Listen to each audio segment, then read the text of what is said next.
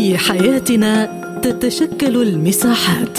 نظل داخلها على اختلاف الثقافات. ولكن في مساحتنا تتحد الغايات. لأننا نغوص في أعماق المجتمعات. فإذا كان لديك وجهة نظر حرة فاهلا بك في مساحة حرة.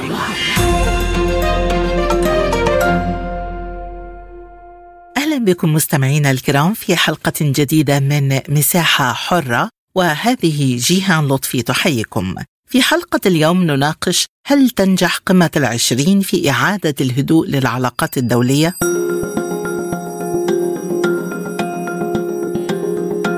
انطلقت في إندونيسيا الثلاثاء قمة مجموعة العشرين وأعلن الرئيس الإندونيسي جوكو ويدودو في كلمة الافتتاح أن عام 2023 سيكون أشد صعوبة على العالم مشيرا إلى أن أزمتي الأمن الغذائي وأمن الطاقة تؤثران على الدول النامية. في منتجع نوسا بجزيرة بالي بحثت قادة مجموعة العشرين أبرز التحديات في العالم. وتحت شعار التعافي معا بشكل أقوى ركز قادة المجموعة على الملف الاقتصادي وتداعيات الأزمة في أوكرانيا والتعاون الدولي والتحول الرقمي وأزمة المناخ. ويرأس وفد روسيا إلى القمة وزير الخارجية سيرجي لافروف وقال إن الاتحاد الأوروبي والناتو يشاركان منذ فترة طويلة في الحرب الهجينة في أوكرانيا والتي بدأها الغرب منذ لحظة وصول الانقلابيين في أوكرانيا إلى السلطة. وأكد لافروف أن الشركاء الغربيين حاولوا تسييس بيان قمة مجموعة العشرين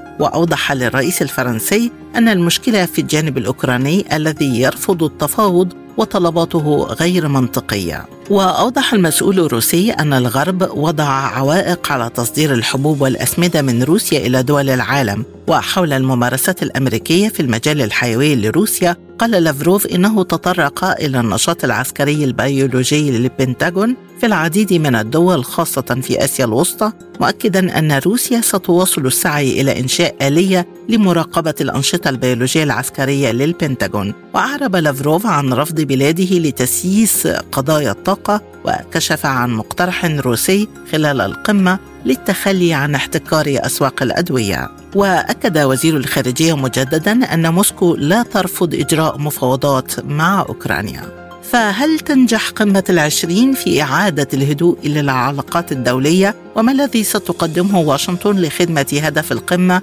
بالتعافي الاقتصادي معا؟ هل يمكن أن تسهم مشاركة ولي العهد السعودي في إعادة الدفء للعلاقات بين المملكة وواشنطن بعد الخلاف الأخير بشأن النفط؟ وما طبيعة الطرح الفرنسي بإيصال رسائل سلام للعالم؟ هذه المحاور وغيرها أناقشها مع ضيوفي في حلقة اليوم من مساحة حرة. البداية من نيويورك ومنها ينضم إلينا الدكتور ماك شرقاوي خبير العلاقات الدولية مرحبا بك معنا ضيفا عزيزا دكتور ماك. وبداية سؤال حلقة اليوم هل تنجح قمة العشرين في إعادة الهدوء للعلاقات الدولية؟ أعتقد أن هذه القمة آه، لم تأتي بجديد. ويعني الإيجابية الوحيدة في هذه القمة هي لقاء الرئيس آه، بايدن مع مع الرئيس الصيني الرئيس تشي وأيضا آه، التمثيل لروسيا في هذه القمة من حضور السيد لافروف وزير الخارجيه عوضا عن الرئيس بوتين. بالتأكيد قلل من أهمية هذه القمة. أعتقد أن كانت قمة صعبة على إندونيسيا. فعندما آه، يكون آه، آه، الكثير من الزعماء لا يريدوا أن حتى يتقابلوا في ممرات المؤتمر دي كانت أعتقد إنه كان كابوس على المسؤولين عن اللوجستيات لهذه القمة. فقمة العشرين بالي لا أعتقد أنها حققت الهدف المرجو منه وهو رأب الصدع ومحاولة إلى وضع الرئيس بوتين مع آه، الرئيس بايدن أو مع الموجودين من الغرب. الاتحاد الأوروبي حتى يكون هناك آه، فرصة للحوار، أنا أعتقد أنها لم تحقق أهدافها و... ومثل مثيلتها التي سبقتها على مستوى رؤساء على مستوى وزراء الخارجية من أربعة شهور لم تنتهي ببيان ختامي ولم يكن هناك يعني نتائج ملموسة.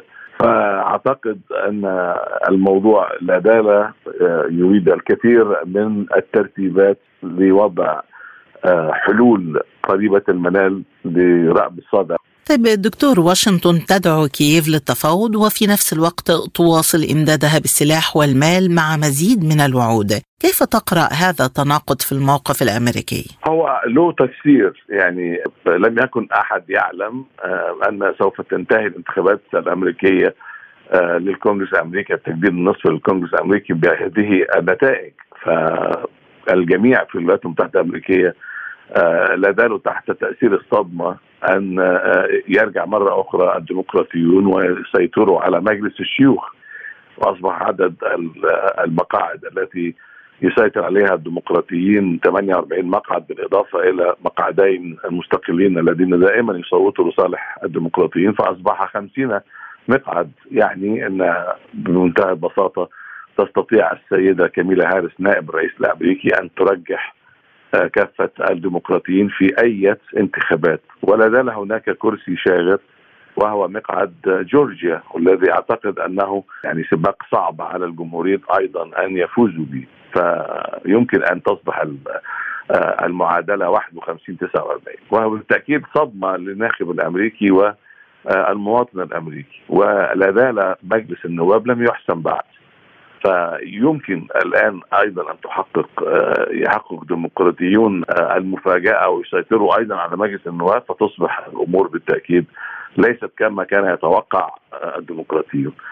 وهذا يعني تمهيد للإجابة على سؤالك. الديمقراطيون أيضا أعتقد أنهم لم يكونوا يتوقعوا هذه النتائج. فكان يسارع الرئيس بايدن والإدارة الديمقراطية بإمداد زيلينسكي بما يستطيع من إمداده من سلاح ومن يعني معونة مالية قبل أن يسيطر الجمهوريين على الكونغرس الأمريكي وتكون هناك صعوبة في تمرير القوانين الخاصة بالمعونة والخاصة بإمداد بالسلاح والمال. فده اللي أنا بعتقد سبب في زيادة الأسلحة التي ذهبت إلى زيلينسكي في خلال الشهر الماضي. وأعتقد أن الآن واشنطن تضغط على زيلينسكي لأن أعتقد أن كلفة الحرب الآن بدأ الديمقراطيون يشعروا أنها كلفة عالية وأن يعني هذه الحرب لا نهاية لها. فلا يمكن حسم الأمور على الأرض عسكريا.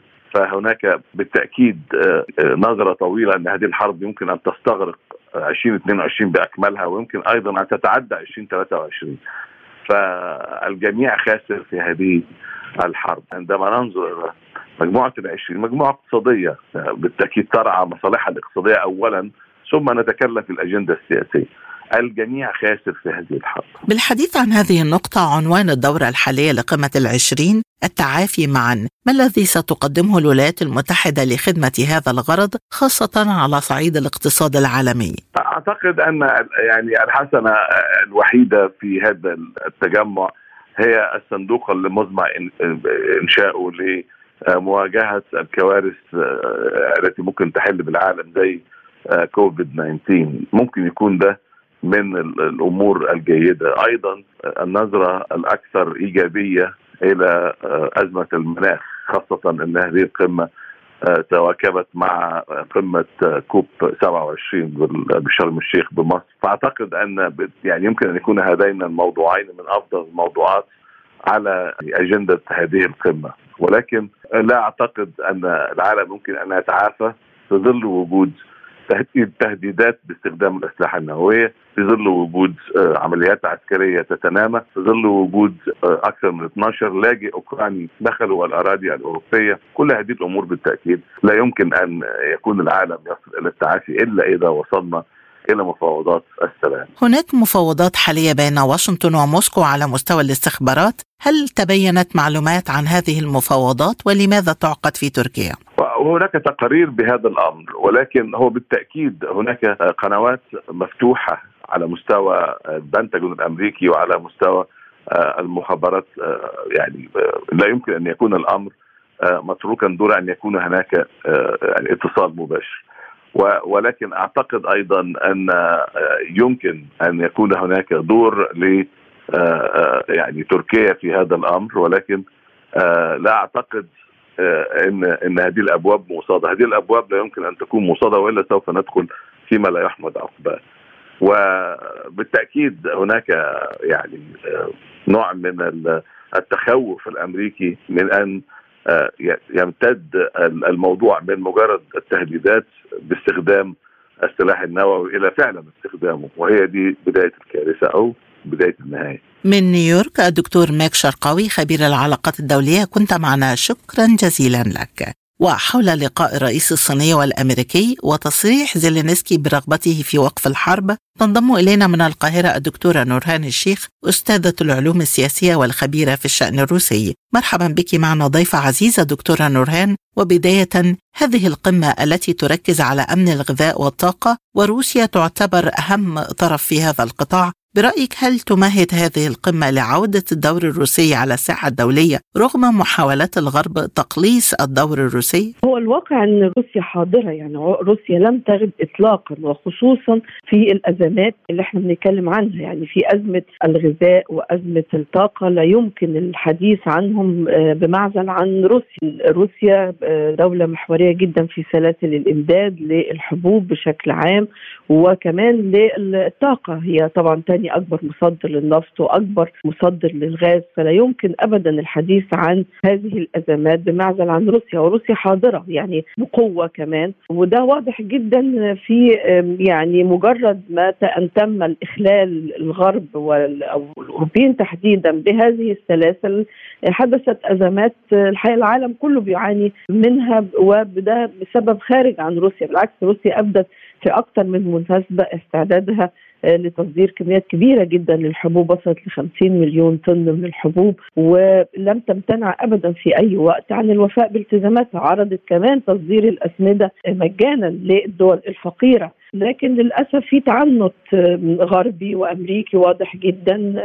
وهو ده الحقيقة سبب هذه الأزمة والسبب الرئيسي لهذه الأزمة. برأيك دكتورة لماذا تغيب الرئيس بوتين عن القمة وماذا يعني تمثيل وزير الخارجية المخضرم رئيس الدبلوماسية في هذه القمة؟ يعني الحقيقة هو تمثيل التمثيل طبعا السيد سيرجي لافروف تمثيل عالي المستوى يعني عالي جدا. يعني طبعا السيد لافروف آه، بيعتبر هو يعني آه، عمدة الدبلوماسيين في العالم كله. يعني طبعا هو أقدم وزير خارجية وله ثقل وله مكانته. وبالتالي آه، يعني هذا التمثيل يعني واكد إن هو عالي المستوى. أما عن غياب الرئيس بوتين فأعتقد إن هذا أمر بيتعلق بأجندته كما صرح الكرملين بيتعلق أيضا بربما بالأوضاع الأمنية في المكان انعقاد القمة. يعني الحقيقة كان في بعض التقارير عن بعض مجموعات بتقوم أو يعني مخططة لبعض العمليات في مكان انعقاد القمة.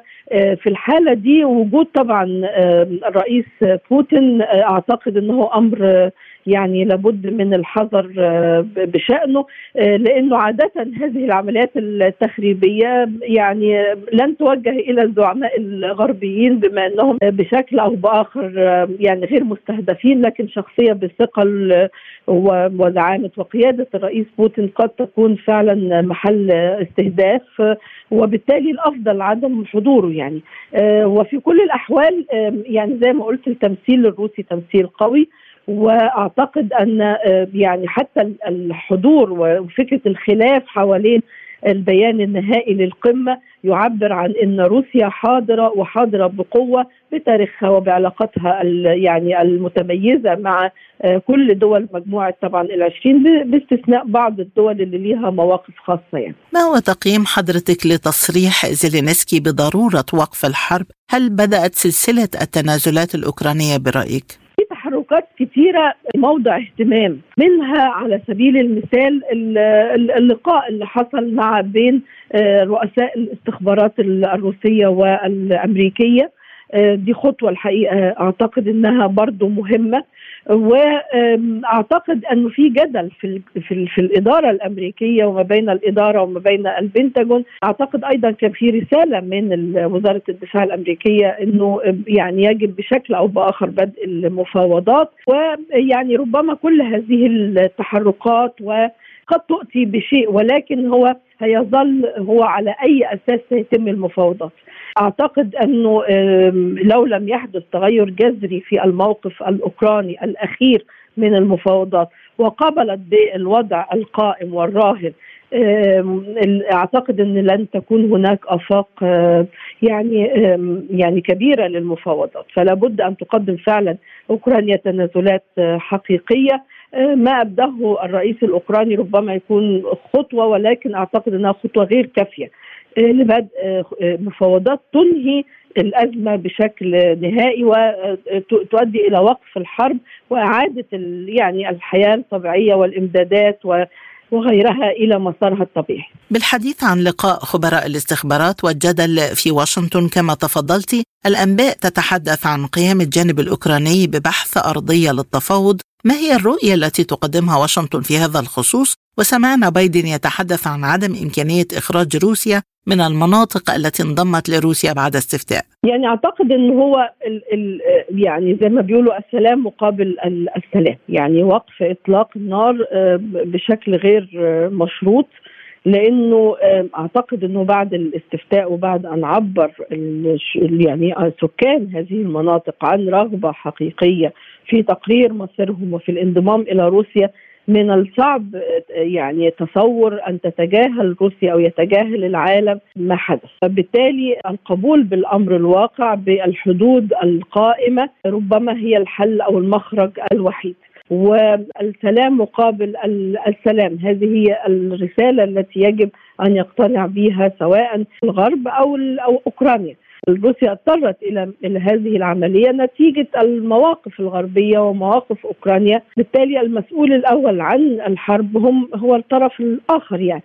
وأيضا الطرف الذي سيؤدي إلى إحلال السلام والقبول هو الطرف الأوكراني أيضا مرة أخرى والطرف الغربي بالقبول بالأمر. الواقع لأنه لا بديل عن عن هذا. ربما تدريجيا يعني واضح أن هناك اقتناع سواء في الولايات المتحدة أو في الغرب عموما وربما في لحظة ما سيكون هناك اقتناع من جانب أوكرانيا بأنه لا بديل عن هذا. وعايز أقول إن يعني التأثير الأمريكي على أوكرانيا طبعا حاضر بقوة. يعني إذا كانت بالفعل هناك إرادة أمريكية لوقف إطلاق النار وإحلال يعني قدر من السلام أعتقد إن ده سيؤدي حتما إلى انفراجه في المفاوضات. فالأمر يرتهن في النهاية من وجهة نظري بالقرارات الولايات المتحدة هي اللي أدت إلى إشعال الحرب في البداية وأعتقد إنها هي أيضا القادرة على إبداء مرونة كافية تؤدي إلى وقف إطلاق النار. سؤال حلقة اليوم هل ستنجح القمة في إعادة الهدوء إلى العلاقات الدولية؟ وأتحدث هنا عن الصين والولايات المتحدة ولقاء الرئيسين تشي وبايدن. الحقيقة للأسف الشديد الواضح إنه في تصعيد ما بين رغم هذا اللقاء سيكون التصعيد هو الأوفر حظا في العلاقات الأمريكية الصينية.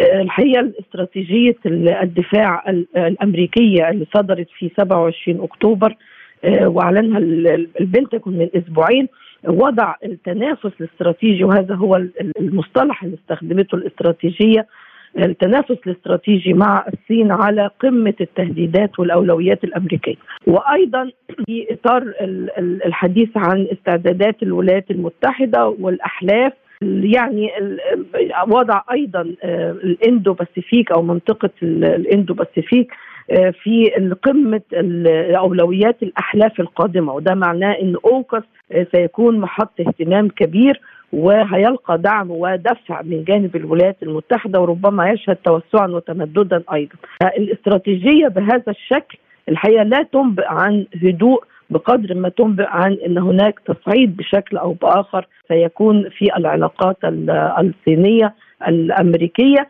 ومرة أخرى الولايات المتحدة يبدو أنها هي المسؤول الأساسي عن هذا التصعيد بتوجهاتها وبرؤيتها الاستراتيجية للعلاقة مع الصين كتهديد وليست كشريك أو حتى كقوة كبرى. يجب احترام مصالحها.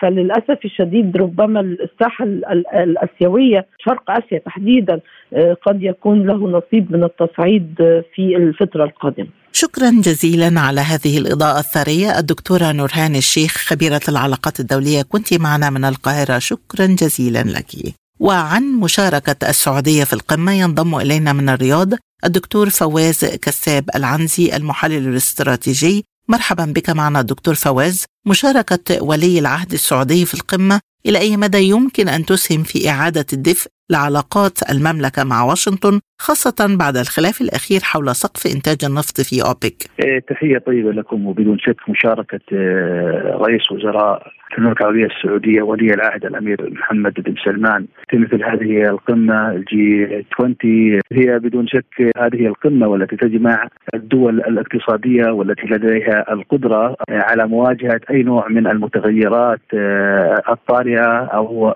بعض الأزمات العالمية وتأتي بوضوع أزمة آه، أوكرانيا وأزمة أيضا كوفيد 19 ما زالت لها الأثر آه، على بقية بعض البلدان ووجود المملكة العربية السعودية في مثل هذه القمة بدون شك هي لديها من القدرات الاقتصادية والتي تساهم مع الدول جي 20 لتخفيف بعض الأزمات على المستوى العالمي وكما عرف عن المملكة العربية السعودية مساهمتها مع الأسرة الدولية بما يحقق الأمن والسلم الدوليين في جميع آه، الأمن مرتكزات الأمن الشامل.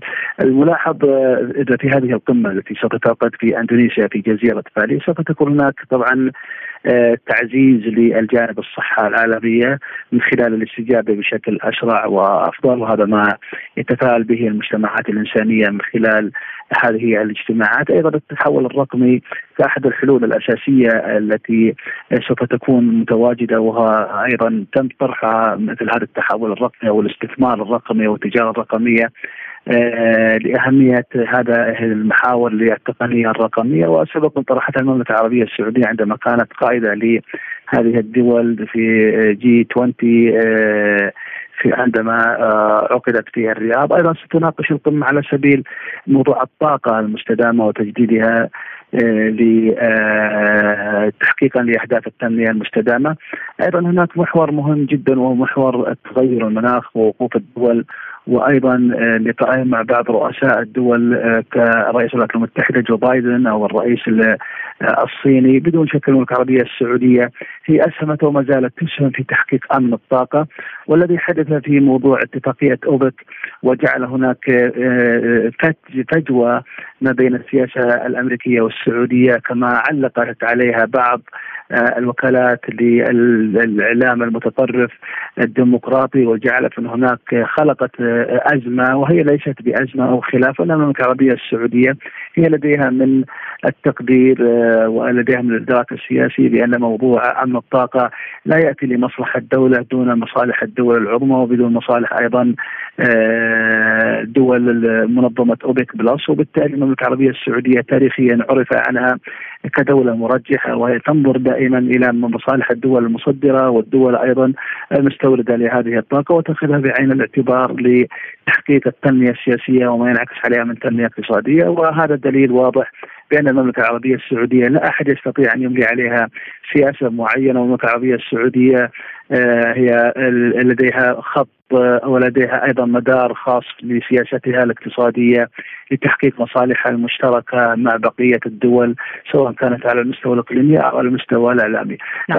الأمير محمد بن سلمان يملك من الفراسه ويملك من الذكاء السياسي لتقدير مثل هذه الجوانب ولديه أيضا الحنكة في احتواء هذا الموقف الأمريكي من خلال ما يملكه من حكمة سياسية توارثها من والده ومن جده. من الرياض الدكتور فواز كساب العنزي المحلل الاستراتيجي كنت معنا شكرا جزيلا لحضرتك. وحول طبيعة الطرح الفرنسي للسلام ينضم إلينا من القاهرة الدكتور طارق فهمي أستاذ العلوم السياسية مرحبا بك دكتور طارق وبداية ماكرون يقول إن قمة العشرين فرصة لإيصال رسالة سلام ومطالبة روسيا بخفض التصعيد هل يحمل الطرح الفرنسي التزامات على الجانب الغربي لخفض التصعيد أيضا؟ هو بالتأكيد الموقف الفرنسي موقف جاد وموقف يتماشى مع الطرح الدولي لخفض التصعيد وتقليل حدة النزاع في أوكرانيا في هذا التوقيت خصوصا وأنه فرنسا من الدول التي تضررت في الفترة الأخيرة والقضية ليست إمدادات الغاز وليست فقط متعلقة بالبعد الاقتصادي لكن بمسار ومستقبل واتجاه الحضور لحلف الناتو. كما تعلمي المشكلة مرتبطة الآن بوجود استراتيجية تحرك أمريكية دولية نلمح بعض ملامحها في الأيام الأخيرة مرتبطة باستئناف الاتصالات بين مديري المخابرات المركزية الأمريكية والروسية من جانب بدعم تركي إضافة إلى التواصل بين وزيري الدفاع الأمريكي والروسي أيضا رؤساء أركان الجيوش الأمريكية والروسية مثل هذه اللقاءات المتتالية وغيرها بتكشف عن رغبة أمريكية روسية الآن في خفض التوتر والتجاوب مع آه، الطرح آه، الفرنسي الأوروبي لكن بشروط كل طرف. وفي تقديري إنه آه، قمة العشرين فرصة جيدة لطرح هذا بعيدا عن وجود الخلافات والصراعات. حتى النظرة الأمريكية للصين تمضي في هذا الاتجاه. وحرص الطرفين الأمريكي والصيني أيضا على التهدئة، اذا نحن في مرحلة خفض التوتر وهناك بالفعل مساعي إلى هذا، أعتقد إنه الطرح الفرنسي يعني يتم التجاوب معه بحذر لكن آه، يعني آه، دعيني أصارحك أن هناك قنوات آه، غير رسمية تعمل الآن في النطاقات الأمريكية الروسية. قد تدفع بالفعل إلى تقريب وجهات النظر. ووجود آلية اتصال مباشرة لأنه لا يمكن أن تتلاقى كل هذه الاتصالات العسكرية والسياسية في توقيت واحد وفي نفس الوقت تخفيض حدة التوتر في مسرح العمليات بعد الانسحاب من خرسون وبالتالي نحن أمام واقع يتشكل جديد. أعتقد إنه الطرح الفرنسي مهم ويتجاوب مع ما يتم الآن في القنوات الخلفية بين الطرفين الأمريكي والروسي. حضور أستراليا وفرنسا وأمريكا للقمة إلى أي مدى دكتور يمكن أن يتم تجاوز أزمة تحالف اوكوس خلال هذه اللقاءات؟ هو بالتأكيد طبعا بينقل رسائل مهمه إنه صحيح أن هناك تباينات وتجاذبات في بعض المواقف يعني عبرت عنها اختلاف السياسات في الفترة الأخيرة لكن في النهاية أعتقد الولايات المتحدة حريصة كل الحرص على بناء هذه التحالفات في هذا التوقيت وهذه التحالفات البينية ربما تتسع آه، بصورة كبيرة وستشمل دول في تقديري في منطقة جنوب شرق آسيا. آه، المناخ الجديد اللي بيتشكل فيه العلاقات الأمريكية الصينية ربما يبعث برسائل متعددة لكن بطبيعة الحال أعتقد إن الولايات المتحدة أيضا من مصلحتها في الفترة الأخيرة وإدارة الرئيس جو بايدن بعد نتائج الانتخابات تجديد النصف للكونغرس أن تتلاقى في مساحات معينة مع حلفائها وبناء تربيطات جديدة. يعني على قاعدة المصالح المشتركة والفوائد المتبادله. أخيرا محادثات مباشرة بين رئيس وزراء أستراليا والرئيس الصيني منتظرة خلال هذه القمة، إلى أي مدى برأيك يمكن أن يحتوي الطرفين أزمة نشر قذافات بي 52 الأمريكية في أستراليا وهي الخطوة التي أغضبت الصين من أستراليا؟ أنا في تقديري إنها أيضا خطوة كما اشرتي وتكرمتي على مساحة خفض التوتر بين الأطراف المعنية، الصين لديها تحفظاتها كما تعلمي حضرتك في منطقه بحر الصين الجنوبي وكانت لديها اعتراضات كبيرة على الخطوة الأسترالية، هذا اللقاء آه، سيخفض التوتر لكن ربما سيدفع بطبيعة الحال إلى مزيد من الشروط الصينية لدفع الأطراف. ليس أستراليا آه، فقط لكن الأطراف الحليفه خصوصا في مناطق التماس لمنع أي تهديدات للأمن القومي الروسي في هذا التوقيت. وبالتالي أعتقد إنه هناك تطورات إيجابية. كل ما تشاهدينه الآن آه، ومتزامن مع آه، القمة قمة العشرين يتزامن مع سعي كل الأطراف التهدئه حتى اللغة التي تحدث بها الرئيس الصيني والرئيس الأمريكي في آه، القمة أيضا مهم للغاية. وأعتقد إنه هناك نقاط التقاء الآن تتشكل بين اطراف مختلفة حتى حلفائها وشركائها في الإقليم حتى أشرت إلى اللقاءات الأمنية والاستراتيجية التي تجمع الطرفين. بحديثي إلى الدكتور طارق فهمي أستاذ العلوم السياسية من القاهرة نكون قد وصلنا إلى ختام حلقة اليوم من مساحة حرة. قدمته لكم جيهان لطفي وللمزيد زوروا موقعنا على الإنترنت سبوتنيك dot AE. شكرا لطيب المتابعة وإلى اللقاء.